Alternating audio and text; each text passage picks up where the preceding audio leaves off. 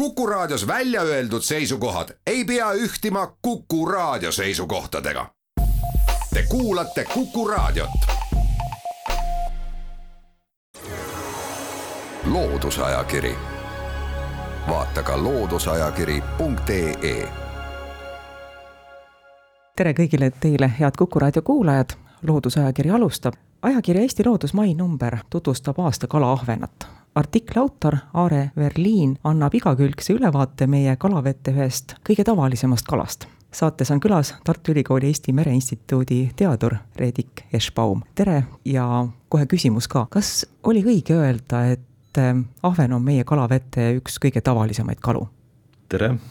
jah, nii võib öelda küll, et äh, ahven on nagu Aaregi kirjutas oma artiklis, et ta on väga laia amplituudiga liik, ta on niisugune plastiline liik, et teda võib tõesti enamuses meie veekogudes kohata, et ta on nii magevees kui meie riimveelises Läänemeres ja magevees ta on siis nii jõgedes, ligi üheksakümnes protsendis järvedes ja umbes neljakümnes protsendis jõgedes on teda, teda leitud, et noh, ta puudub võib-olla seal väga allikalistest ja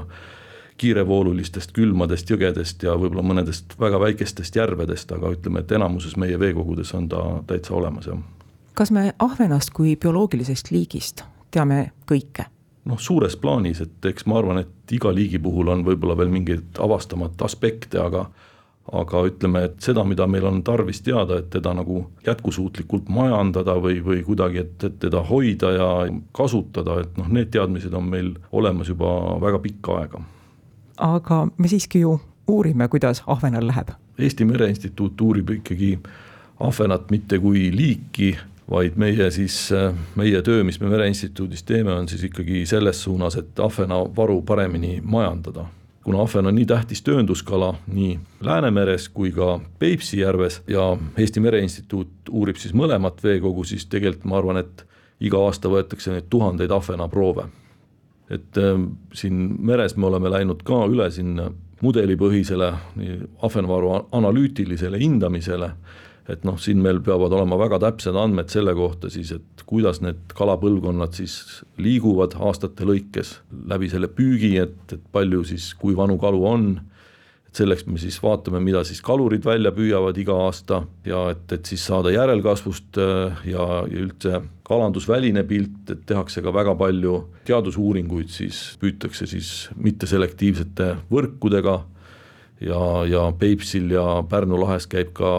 niisugune teadustraalpüük, neid andmeid, mis ahvena kohta igal aastal meile kogunevad, noh neid kalu on ikkagi tuhandeid. aga, aga see kõik jah, on vajalik, et need otsused, mis me teeme, et need siis oleksid ikkagi õiged. võib-olla peaks rääkima sellest ka, miks on rannakaluritele ahven niivõrd oluline? jah, ahven on, ütleme, kui ma vaatan siin saake, siis kahe tuhande kahekümnendal aastal oli ta saagist äh, Rannikumeres oli seitse protsenti oli ahven ainult. aga saagi väärtusest moodustas ta siis kolmkümmend neli protsenti. et, äh, et ta on jah, selles mõttes on ta väga kallis kala, et kuigi teda püütakse nagu suhteliselt vähe, võrreldes näiteks räimega, kelle saak on siin seitsekümmend kolm protsenti mahu poolest, siis äh, jah, ta annab saagi väärtusest kolmandiku. ja ütleme, et kui nagu rahalisest mahust rääkida, siis ütleme, see on sinna kuskile kahe miljoni euro kanti, kui arvestada siis äh, esmakokkuostu hinda. üheksakümnendad aastad olid äh, nii nagu nii mõnelegi teisele, olid ka ahvena jaoks üsna rasked. oli suur ülepüük ja seejärel hakkas populatsioon taastuma, millised on viimase näiteks viie aasta trendid? no kahjuks ei ole nagu niisugust head, head positiivset äh, trendi, et jah, et kui nüüd üheksakümnendate keskpaik ja niisugune ülepüük noh, kõrvale jätta või noh, me ei saa teda kõrvale jätta jah, et, et, et kui sellest peaks rääkima, siis jah, et, et, et ütleme, Väinamere saak kahe tuhandendal aastal oli ainult kolm tonni ahvenat, terve aasta saak. ütleme, tavaline enne selle varu kokkukukkumist oli viissada tonni aastas. see varu kokkukukkumine võib olla nagu niisugune väga, väga, kui neid majandamisotsuseid ei tehta targalt, et see võib olla niisugune päris ränk ja pikaajaline, nii et see ahvena varu hakkas siis Väinameres paranema alles siis noh, ma ei tea, kaks tuhat viisteist või noh, siis hakkas väike suurenemine ja siis kaks tuhat üheksateist me siis saime juba üle neljasaja tonni ahvenat äh, Väinamerest taas, on ju, ja siis ega siis inimestel on see mälu ka mälu on lühike, et siis nagu arvati ka, et noh, nii palju kala pole Väinameres kunagi olnud, aga noh, tegelikult oli enne, enne seda üheksakümnendat ülepüüki oli niisugune viissada tonni oli niisugune täiesti tavaline, tavaline saak. aga nüüd äh, pärast kahe tuhande üheksateistkümnendat aastat jah, et see varu on jälle hakanud vähenema ja ja, ja suhteliselt nagu kiiresti. kahe tuhande kahekümne esimesel aastal püüti Väinameres siis kakssada viiskümmend tonni mis võrreldes selle kolme tonniga kahe tuhandendal aastal on muidugi palju, aga võrreldes siis nagu pikaajalise keskmisega, mis on siis viissada tonni, on seda, seda siiski poole vähem, on ju, ja see trend ei ole nagu hea. Mereinstituudi inimestel on kindlasti ettepanekuid ja soovitusi, mida peaks tegema selleks, et tagada ahvena populatsiooni pidev hea olukord ja, ja seetõttu siis ka tema püüdmisest huvitatud inimestele korralikud saagid või stabiilsed saagid? jah, see on meie ülesanne Eesti Mere Instituudis, anda siis äh, Keskkonnaministeeriumile soovitusi, kuidas seda püüki oleks siis mõistlik läbi viia, nii et noh, et oleks garanteeritud siis maksimaalne jätkusuutlik saak. ja viimastel aastatel me oleme siis ka läinud üle nagu vähemalt Pärnu lahes, kus on, kust kõige rohkem ahvenat püütakse, oleme, oleme püüdnud minna siis üle sellisele analüütilisele varu hindamisele või niisuguse mudelipõhisele majandamisele. ja noh, nendest andmetest tuli ka välja, et noh, tegelikult see, isegi kui me siin püüdsime tuhat tonni aastas ja kõik need aastad, mis siin Pärnus on seda ahvenavaru kasutatud, on ju, viimased kümme või et noh, et tegelikult on ikkagi me oleme püüdnud pidevalt rohkem, kui, kui need mudelid näevad nagu soovitavad, et äh, jätkusuutliks majandamiseks võiks püüda. nii et, äh, et tegelikult tuleks seda püügikoormust olulisel määral tuleks vähendada, et noh, et need saagid oleksid stabiilsed, ei, ei kõiguks siis üles-alla, on ju. see tagaks siis kaluritele nagu stabiilse sissetuleku ja ja, ja, ja kalaeksportijatele ja, ja ütleme ka teistele kalahuvilistele, kes siis võib-olla seda võib-olla tahaksid võib-olla õngega püüda. mereinstituudi inimesed puutuvad kokku ka kaluritega sest nende käest ju kogutakse ka andmeid. millised need omavahelised vestlused on, kui Mereinstituudi inimene ütleb, et püüdke vähem, see on teile pikas perspektiivis kasulikum, mida kalur ütleb? üldiselt ega kalurid on ju mõistlikud, ega kui kui nendega rääkida, nad on ju sama meelt tegelikult, et need püüniste piirarvud on liiga suured ja, ja, ja kala, neid mõrdu ja, ja võrke on vees liiga tihedalt, aga samas noh, nad ikkagi, see on nende, nende raha tegemis vahendid ja nad on seda ajaloolist püügiõigust siis nagu saanud päranduseks või kokku ostnud, et ega nad ei, ei, ei taha nagu loobuda sellest niisama, et, et ühest küljest nad küll mõistavad probleemi, aga seda lahendust, kõiki osapooli rahuldavat lahendust selle, selleni on ikkagi nagu väga, väga keeruline jõuda ja noh, kalurite seas nagu ikka inimeste seas on ka erinevaid mõtteid, et noh, meil see püügisurve kalavarule on, on liiga suur ja noh, kõige lihtsam tee jah, oleks neid, neid, ütleme nende püüniste piirarvude vähendamine, aga selle üheksakümnendatel ka selle kalavaru, ahvenavaru noh, lõplikust kokkukukkumisest päästis ikkagi see, et kehtestati alammõõt ahvenale üheksateist sentimeetrit. me teeme jutuajamisse ahvenast, kes on valitud käesoleva aasta kalaks. pausi, õige pea oleme tagasi. loodusajakiri vaata ka looduseajakiri.ee. kuku raadio stuudios on Redik Eschbaum Eesti Mereinstituudist, mina olen saatejuht Tiia Rööp. paus katkestas meie jutu sellest, kuidas kalurid suhtuvad ahvena püügikoormuse vähendamisse. kalurid saavad aru, et, et tegelikult seda püügikoormust tuleks vähendada ja, ja, ja üks ettepanek, mille me oleme ka teinud, on see, et noh, et kevadine püügikeeld võiks olla ahvenal nagu on enamikul teistel meie töönduskaladel. et see ongi nagu imelik, et kuigi ahven on meil rannakalanduses ja, ja ka ütleme, sisevete kalanduses üks olulisemaid kalaliike, kui mitte kõige olulisem,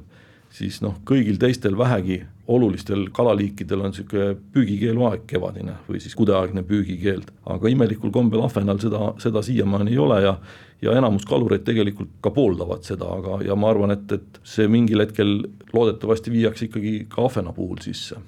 ahvenat ei püüta mitte ainult Pärnu lahes, püütakse ka suurtes järvedes. kas olukord Pärnu lahes ja Peipsi järves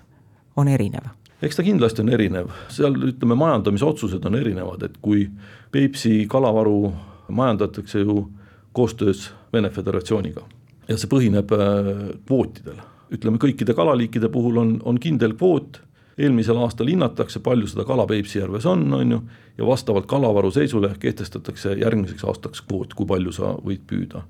Ja iga aasta vaadatakse kalavarule otsa, ütleme, kui varu väheneb, läheb samavõrra, läheb see ka kvoot alla. Meres seda ei ole, on ju, meres tegelikult peaks kalavaru reguleerima püüniste piirarvudega. aga noh, erinevatel põhjustel ei ole seda viimased paarkümmend aastat tehtud nii et noh, praegult kaluritele tundub, et need püünised, mis neil nüüd praegult kasutada on, et noh, et need ongi neil nagu igavesest ajast igavesti, aga aga tegelikult noh, seadus sätestab, et noh, neil on proportsioon nendest püüniste piirarvudest, mida siis maakonna lõikes nagu antakse, on ju, neil on, neil on protsent sellest, on ju, eks. Neil ei ole seda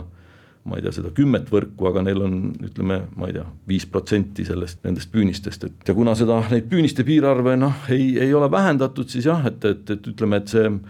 meres ahvena majandamine on nagu väga, väga keeruline, et, et kui sa ütleme, kui me seda ahvenavaru ka analüütiliselt hindasime, siis noh, meie püügisoovitus, ütleme, kui me oleks saanud kahe tuhande kahekümne teiseks aastaks kehtestada ahvenale kvoodi, see oleks olnud kakssada kuuskümmend tonni, on ju, eks noh, see oleks siis olnud niisugune jätkusuutlik väljapüük, on ju, mis ei, ei oleks nüüd siis ahvenavaru seal Pärnu lahes nagu kahjustanud, on ju, eks, aga, aga noh, kindlasti on need saagid seal tulevad äh, võib-olla kaks korda suuremad, et, et ja seda ei saa kuidagi, kuidagi takistada. et äh, see on ametlik püük ja kaluritel on praeguse, praeguste seaduste järgi on, on, on õigus seda püüda. miks ei ole püüniste piirarvu kalale mindud? noh, siin on väga palju aspekte tegelikult, et noh, esmatähtis on muidugi see, et see ei ole üldsegi nagu äh, poliitiliselt äh, populaarne otsus, ma arvan, eks. et ükski minister, ükski keskkonnaminister ei, ei võidaks populaarsust juurde, kui ta, kui ta seda, vähemalt kalurite hulgas, kui ta seda ühel hetkel teeks, et ma arvan, et see on üks, üks peamine põhjus, et teine, mis selle nagu keeruliseks teeb, on ka see see matemaatika, mis sinna juurde käib, et noh, meil on praegult niimoodi, et, et sa kunagi, mis oli ka nagu niisugune noh, mõnes mõttes õige otsus, et otsustati, et seda ütleme, neid püügivahendeid ei saa nagu päris niimoodi ka anda, et noh, et igaüks, kellel on üks võrk, on,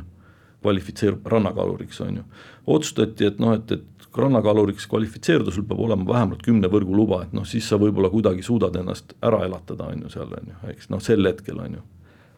ja nüüd, kui me ütleme, et hakkame siis seda püüniste piirarve vähendama, et mis nendest meestest saab, kellel ongi see kümne võrgu luba, et nad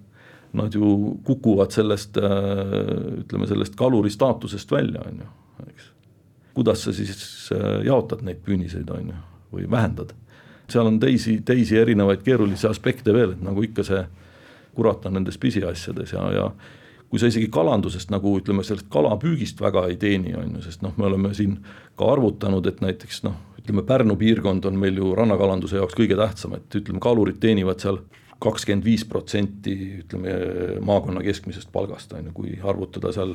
esmakokku ostuhindade väärtuse ja võtta sealt siis ütleme kulud maha, ütleme siis nad võiksid endale lubada seal me räägime jälle keskmisest, on ju, keskmine kalur siis teeniks kakskümmend viis protsenti, aga noh, ütleme Soome lahes ta teenib üks-kaks protsenti keskmisest äh, maakonna palgast, on ju. see tegelikult ei ole eriline majanduslik tegevus ja, ja et ta saaks olla majanduslik tegevus, noh siin tulekski nagu radikaalselt neid püüniste piirarve vähendada, on ju, sest noh, ega see kalavaru, kalavaru ei saagi nagu heasse seisu minna, et kui meil neid kalureid ja, ja neid püüniseid meres nii palju on. et isegi need kalurid, kes siis noh, tegelikult võib-olla teenivad seal oma ühe protsendi või alla selle maakonna keskmisest palgast, et aga samas ütleme, kaluriks olemine annab neile teisi eeliseid, et nad näiteks pääsevad juurde erinevatele toetustele siis, mis kaluritele antakse, noh noh, mitmekesistamistoetused nad saavad, et äh, seal mõte on ju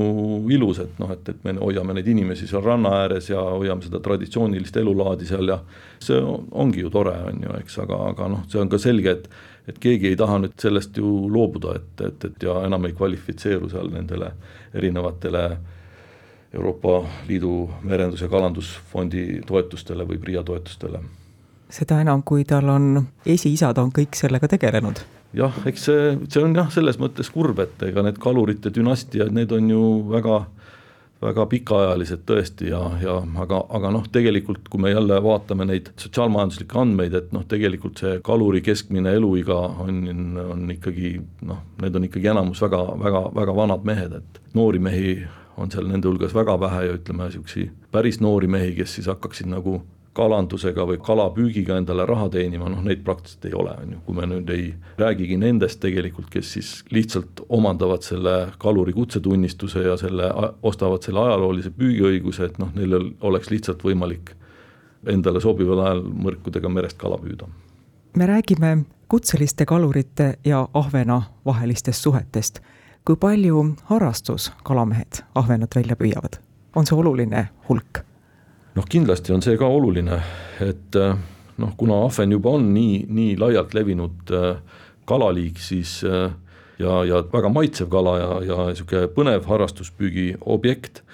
siis on see kindlasti oluline. aga see ei ole nüüd ka nii suur, et me peaks sellele kuidagi nagu väga viltu vaatama, et, et me oleme seda hinnanud siin mõni aasta tagasi, me tegelesime sellega, et me loendasime kõik Pärnu lahel jää peal käivad inimesed kahel aastal üle, küsitlesime neid saagi osas, mõõtsime nende püütud kalad ja selle kahe aasta uuringu tulemusena siis hindasime, et, et umbes kolmteist protsenti kutseliste saagist moodustab siis see harrastajate püütud kalakogus Pärnu lahel. see on arvestatav, aga, aga kindlasti ta ei ole nii suur, kolmteist protsenti on kolmteist protsenti, on ju, et ta on ikka oluliselt väiksem kui kutseliste püüginumbrid, jah selline sai seekordne Loodusajakirja saade. rääkisime ahvenast kui kalapüügiobjektist. ahvenast, aastakalast saate aga ajakirja Eesti Loodus mai numbrist lugeda teistsugust informatsiooni. saatejuht Tiia Rööp tänab külalist, Tartu Ülikooli Eesti Mereinstituudi teadurit Redik Eschbaumi selgituste eest. loodusajakiri on jälle eetris nädala pärast, jälle kuulmiseni. loodusajakiri vaata ka looduseajakiri.ee